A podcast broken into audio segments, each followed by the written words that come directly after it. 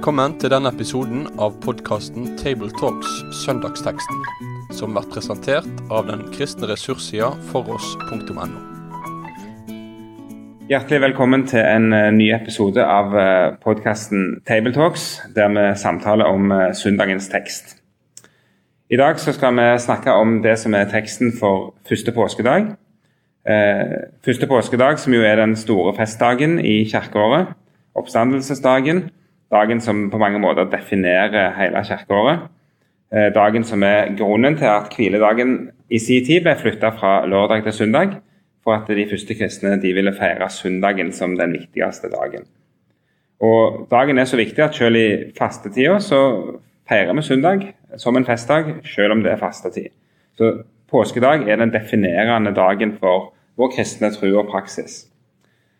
Eh, og så er det likevel sånn, eh, kan vi si, at eh, rammene for påskedag er noe helt annet enn en podkastinnspilling der vi sitter i forkant og snakker om teksten. Påskedag er jo en helt spesiell dag med fest og med, med kirka og, og bedehuset med musikk og glede. Og så er det et sprik kan vi gjerne si, mellom det å sitte og spille inn en sånn podkast og det å feire dagen. Men vi håper likevel at vi gjennom denne samtalen skal kunne få sett litt på teksten og få eh, tatt dere som lytter til, inn i, i det arbeidet som, som vi nå gjør for å forstå teksten bedre, og den gleden som teksten bringer oss. Eh, med meg til samtale i dag så har jeg Sverre Bø. Og så er det meg, Knut Kåre Kjerkholm, som eh, i dag skal lede dere eh, gjennom en samtale om, om teksten for første påskedag. Og vi skal lese sammen fra Matteus-versjonen av oppstandelsen. Eh, Matteus 28, vers 1-10. Da sabbaten var over og det begynte å lysne den første dagen i uken, kom Maria Magdalena og den andre Maria for å se til graven. Med ett ble det et kraftig jordskjelv. For en Herrens engel steg ned fra himmelen, gikk fram og rullet steinen til side og satte seg på den. Han var som et lyn å se til, og drakten var hvit som snø. Vaktene skalv av redsel da de så ham, og de ble liggende som døde. Men engelen tok til orde og sa til kvinnene.: Frykt ikke, jeg vet at dere leter etter Jesus, den korsfestede. Han er ikke her, han har stått opp, slik som han sa. Kom og se stedet hvor han lå. Skynd dere av sted og si til disiplene hans. Han er stått opp fra de døde, og han går i forveien for dere til Galilea. Der skal dere få se ham. Nå har jeg sagt dere det. Da skyndte de seg bort fra graven, redde, men jublende glade, og de løp for å fortelle det til disiplene. Og se, Jesus kom mot dem og sa, Vær hilset. De gikk fram og omfavnet føttene hans og tilba ham. Jesus sa til dem, Frykt ikke, gå og si til mine brødre at de skal dra til Galilea. Der skal de se meg. Sånn var teksten, Sverre, og eh, da skal vi inn i arbeidet med denne her. og Du sitter med et stort ark foran deg der du har fire kolonner med fire versjoner av oppstandelsen. Kan du bare si kort hvordan du jobber når du setter de kolonnene? Ja, Det jeg gjør, er å prøve å få en ærlig oversikt over eh, hver av de fire. Og studere ordlyden for å se hva fremhever den ene, hva fremhever den andre. Og eh, kanskje utfylle og så er det jo noen ganger vi møter på ting vi syns ser motstridende ut. Istedenfor å fortrenge det, så prøver vi å være ærlig. Lese teksten og lese den om igjen. Og kanskje slå opp i gode bøker som før meg har tatt opp sånne spørsmål. Jeg bruker PC-en og printer ut de fire kolonnene, og så setter jeg meg med hele fargeskrinet mitt. Og Så markerer jeg f.eks. med gult navnene på hvem var de kvinnene som kom til graven. Navnene på det i alle de fire. Og så med grønt kanskje det som står om engelen eller englene, og hva deres hilsen måtte være. Og så med rødt det som er responsen og reaksjonene.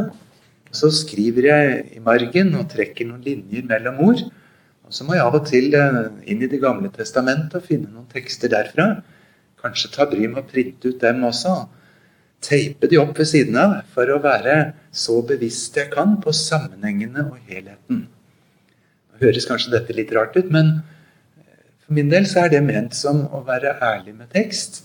Og i glede og jubel over at Gud ga oss fire selvstendige og parallelle fortellinger. Dette er så viktig stoff at Gud ga oss en firedobbel attestasjon. Og eh, det å jobbe eh, med tekst på den måten, det er jo veldig berikende. Og det som ofte slår meg, er jo at eh, en har liksom en, en, en tenkning, en, en, slags grunnforståelse. En har hørt disse fortellingene mange ganger, og så har en en sånn er det oppstandelsesfortellingen ser ut. Men det er akkurat det når du begynner å lese de separat, så ser du ja, det er ganske mange forskjeller.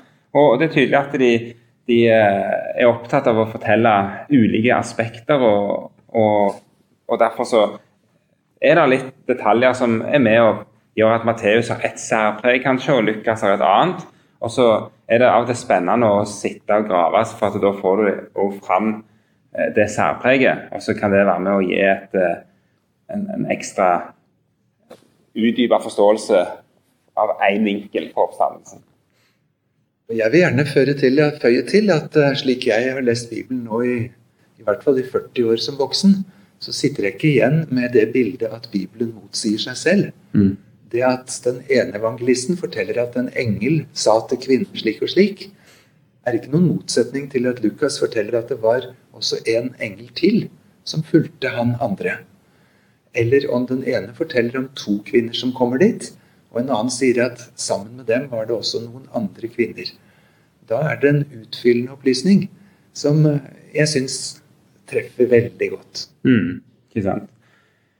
Og eh, en ting som eh, Når vi først er inne på dette her med, med, litt forskjeller, så er det for å gå inn i teksten da, Den første lille forskjellen som jeg merker meg, det er jo det at eh, de kommer eh, om morgenen den første dagen i uka. Eh, her i eh, Matteus så står det at de kommer for å se etter grava, mens de andre gjør et poeng av at de har med seg eh, salve og olje så de skal salve kroppen med.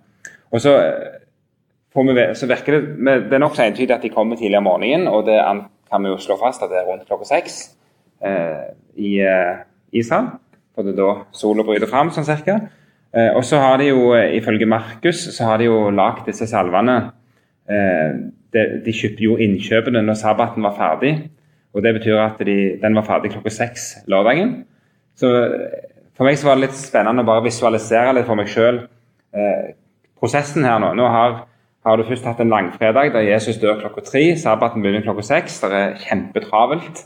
Eh, vi ser for oss et Jerusalem som yrer av liv, og folk som springer fra butikk til butikk for å gjøre de siste innkjøpene. og I tillegg så har det skjedd en voldsom hendelse oppe på Golgata-fjellet med en henrettelse tre stykk, og det er romerske soldater, og det er masse kaos. Eh, og så har eh, Josef fra Arimathea sprunget fram og tilbake til Pilatus og fått lov til å ta ned kroppen og salve og legge i en grav. Og så trengs det å gjøre en, Jobben må gjøres ferdig. Og så er det da det disse kvinnene gjør. Og de har sikkert sittet hele sabbaten og, og spekulert på hvordan vi skal gjøre dette her. Og så når sabbaten er slutt, så springer de av gårde på butikken og kjøper sikkert, eller til kjøpmannen skaffer seg oljene, og så kan vi se for oss den lørdagskvelden der de ett døgn etter et gigantisk sjokk der han de eh, har satt all sitt håp til, er blitt henrettet av romerne på den verste tenkelige måten. Og så står de nå i sin kjærlighet eh, og lager til disse salvene. Eh, og så kommer de om morgenen, og så jammen meg vel grava tomme. Det, rent sånn menneskelig sett, altså det, det, de timene der og, og, det som har skjedd inni, inni disse damene, det må ha vært ekstreme mentale ut, sånn, sjokk og, og eh, vantro og tro og glede og ja, alle følelsene ha vært i sving.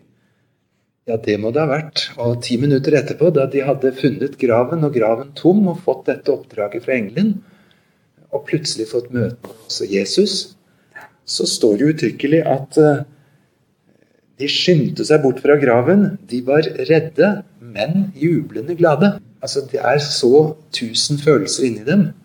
Det er så ekstatisk. Helt satt ut. Mm. Og hvem som sier hva, og hvem som responderer hvordan. Det er dårlig gjort av oss å analysere det sånn kjølig etterpå. For her må det ha vært enormt sterke opplevelser og følelser inne i spillet. Hvis vi ser på, videre på, på, teksten, så slo det meg òg, bare for å nevne det Det er interessant å merke seg at Matteus er opptatt av å fortelle om jordskjelv. Eh, både langfredag og påskedag så er det jordskjelv hos Matteus. Eh, så det som Matteus han, han, nærmest, han, han, gir oss et perspektiv av disse begivenhetene for å vise liksom at her, her er det en slags eh, Hele, hele skaperverket er i sving. Og, og, det rister og dundrer og buldrer, for at nå er det Gud gjør sine storverk. Eh, det synes jeg var en, en fascinerende sak. Og, og, det må jo ha vært med og bidratt opp til dette sjokket. At her, her rister det, og her, her skjer det mektige ting. Og, og, og denne her engelen som kommer og holder vekk steinen i tillegg. Der finner vi også en til tråd bakover til Det gamle testamentet. De gangene Gud trådte fram, kanskje aller tydeligst på Sinai-fjellet da han ga dem de ti bud. Det var lyn og torden, og det var jordskjelv, og det var voldsomme naturfenomener. For Gud er så stor og sprenger ordinære venterom og møterom. Så det er noe av den effekten vi skal fornemme her. Himmelen selv er virkelig til stede. Ja, det er akkurat det som er. Hvis vi ser på eh, det som skjer eh, i forbindelse med jordskjelv og engelen og steinen, så virker det jo der som at eh, Siden vi først var inne på forskjeller mellom evangeliene, at når vi leser Matteus, så får vi nesten en følelse av at disse damene er vitne til at disse tingene skjer. Mens i de andre evangeliene så virker det som de kommer etterpå. Hvordan ville du håndtert det, den forskjellen? Ja, det er kjempeinteressant. For det skjer jo noe her som sprenger alle våre kategorier. Hovedpoenget er at steinen er rullet bort, graven er tom. En engel eller to engler forteller det klare budskap han er ikke her. Men detaljene rundt hvordan dette skjedde, det får vi egentlig veldig lite direkte rede på i noen av evangeliene. Og det snur seg når du spoler tiden 100-150 år fram i kirkehistorien. Sånn godt ut på 100-tallet. Da plutselig dukker det opp både et Thomas-evangelie, et Thomas' barndomsevangelium, og det kommer andre fortellinger inn som skal prøve å fylle inn det tomrommet. Jeg tok med her en norsk versjon av eh, Petersevangeliet, som altså ble til minst 100 år etter den virkelige Peter. Det forteller litt om hvordan man fantaserte og trodde at oppstandelsen kunne skje. Der står det på natten før søndagen grydde, og mens soldaten holdt vakt, to og to i hvert skift, kom det en veldig lyd fra himmelen. Og de så himmelen åpne seg, og to menn komme ned i stor lysglans og nærme seg graven. Steinen som var blitt skjøvet foran inngangen, begynte å rulle av seg selv, flytta seg til siden, Graven åpnet seg, de to unge mennene gikk inn. Da soldatene så dette, vekket de kenturionen og de eldste, for de var også der for å holde vakt. Og mens de fortalte hva de hadde sett, fikk de se tre menn som gikk ut av graven. Og to av dem støttet den tredje, og et kors fulgte etter dem. Og hodene til de to rakk like opp til himmelen, mens det til den tredje, som de ledet ved hånden, raget over himlene. De hørte en røst fra himmelen som sa, Har du forkynt for dem som sover? Og et svar ble hørt fra korset, Ja. De diskuterte så seg imellom om de skulle gå og rapportere alt dette til Pilatus. Og mens de enda grublet på det, åpnet himlene seg på nytt, og en menneskeskikkelse kom ned og gikk inn i graven. Hm, fascinerende. Dette er altså de fantasiene eller visjonene som enkelte kristne da 100-150 år etterpå hadde for å fylle inn det som bibelteksten ikke sier noe om. Mm. Steinen er borte, rullet til side, graven er tom. En engel forteller. Forvirrede disipler som bare gradvis begynner å forstå hva som har skjedd. Det er interessant med mennesker. Vi vil, eh, vi vil, ha, vi vil ha kamera. vi vil ha alle detaljer. Og så får vi ikke de. Ja, for det er jo vår tilnærming i, i 2021 at vi er vant til overvåkningskameraer som får med seg det aller, aller meste. Gud har rapportert hva som skjedde, men han har ikke gitt det i sånne detaljer som vi ideelt sett av nysgjerrighet kunne ha lyst til. Mm. Han har gitt oss de detaljene som han syns vi trenger. Det er jo det som gjerne er poenget. da. Eh, en annen ting som jeg la merke til eh, når jeg leste teksten her, det var jo òg en sånn litt morsom sak, syns jeg. da, At uh, engelens måte å snakke på Han forkynner jo først det som har skjedd. Lukas legger til at han i tillegg siterer det som Jesus sa til dem om, eh, om eh, når han forutsa sin døde oppstandelse. Og så slutter engelen bare med 'Nå har jeg sagt dere det'. Og en interessant liten sånn eh, eh, kortfatta kommentar, men hva, og jeg begynte å tenke hva ligger i det? og da er det jo eh, begynner, Apropos det å fantasere litt, så begynner jeg da å se for meg englene, som er vesener som er skapt av Gud, og som eh, har en forstand som overgår vår, men som likevel har begrensninger. Eh, og som Gud bruker som utsendinger gang på gang gjennom hele Bibelen når viktige ting skal skje. Ikke minst i forbindelse med både Jesu fødsel og død, så er englene ganske tungt på banen og brukes som, som sendebud.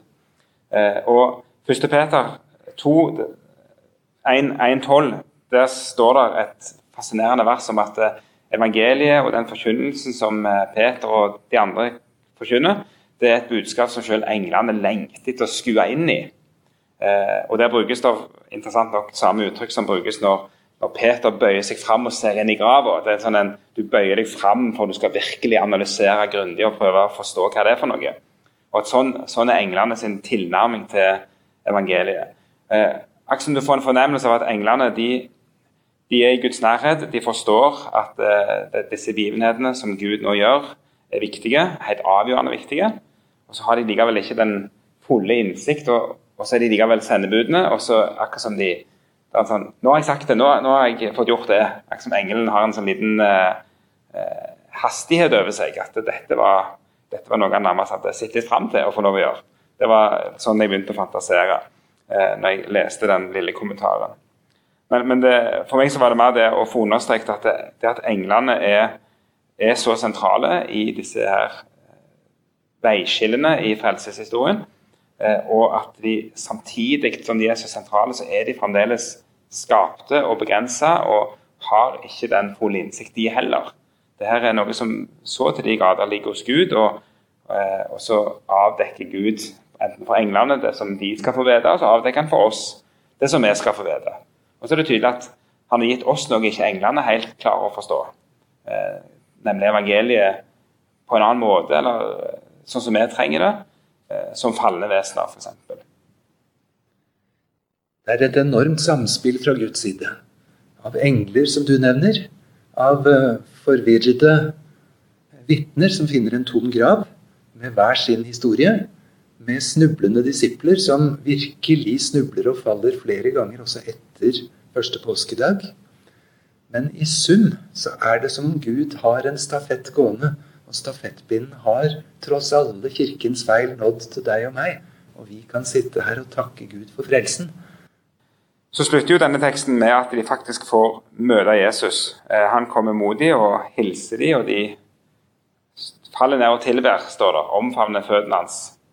Ehm, det er jo noe som er litt unikt. Eh, for det er jo Maria Magdalena som vi får vite om ellers, som møter Jesus. og det virker som at hun er alene eh, og går for seg sjøl. Her er det akkurat som Jesus kommer i møte når de, når de er på vei vekk fra grava. Ehm, og hva kan vi få ut av det? Har du reflektert over det, du? Når det gjelder detaljene og rundetidene her, så får vi mm. spørre om det når vi kommer hjem. Ja rekkefølgen og akkurat hvordan Jesus tok seg av dem. Men, men det er liksom greia her, syns jeg. Jeg glemmer aldri inntrykket av å ha lest Asbjørn Aaviks bok etter påskemorgen, som følger i de 40 eller 50 dagene fram mot Kristi himmelfart og pinse, hvor han får så tydelig fram dette at Jesus møter sine feilende disipler. Han møter dem som en spesialpedagog, én og én. Maria på sin måte. Han tar en ekstrarunde for å finne Thomas. Han tar en ekstrarunde opp til Galilea for å møte sju fiskere som ikke engang klarer å få fisk. Og så har han en personlig samtale med Peter og en med Johannes. Og så er han på vei mot Emmaus for å snakke med to og holde en kjempelang bibeltime. Som får åpnet Skriftene og åpnet forstanden for dem, sånn at de fikk se Jesus. I sum er det jo et enormt bilde her. Og disse blir satt i fyr og flamme og løper og skynder seg for å bringe budskapet. For det er en fortsettelse. Mm. Og det er jo interessant at det, først sier både først engelen og så Jesus sjøl gjør et poeng av at de må gå og fortelle det til de andre, og de må si at de må til Galilea. For det er der det skal skje. Det er der de skal få møte han skikkelig. Det, det, og klart I en Johannes, nei, en Matteus-kontekst er det jo naturlig å trekke linja videre til misjonsbefalingen, som jo skjer nettopp når de kommer til Galilea. Og dette er sånn du og jeg og vi vet det, at det mm. var en fortsettelse. Mm. Men hvis du hadde intervjua de disiplene langfredag kveld, så tror jeg du hadde fått et samstemmig svar. Game over. Mm. Nå er det slutt. Så er det ikke det. Og så er det nettopp det som er det overveldende budskapet, at dette er bare en begynnelse. Mm. kommer en fortsettelse. Følg med nå. Ja, ikke sant. Det er akkurat det som er uh, utrolig fascinerende og, og litt stilig så, å kunne ha det blikket òg. Eh, og så er det Ja.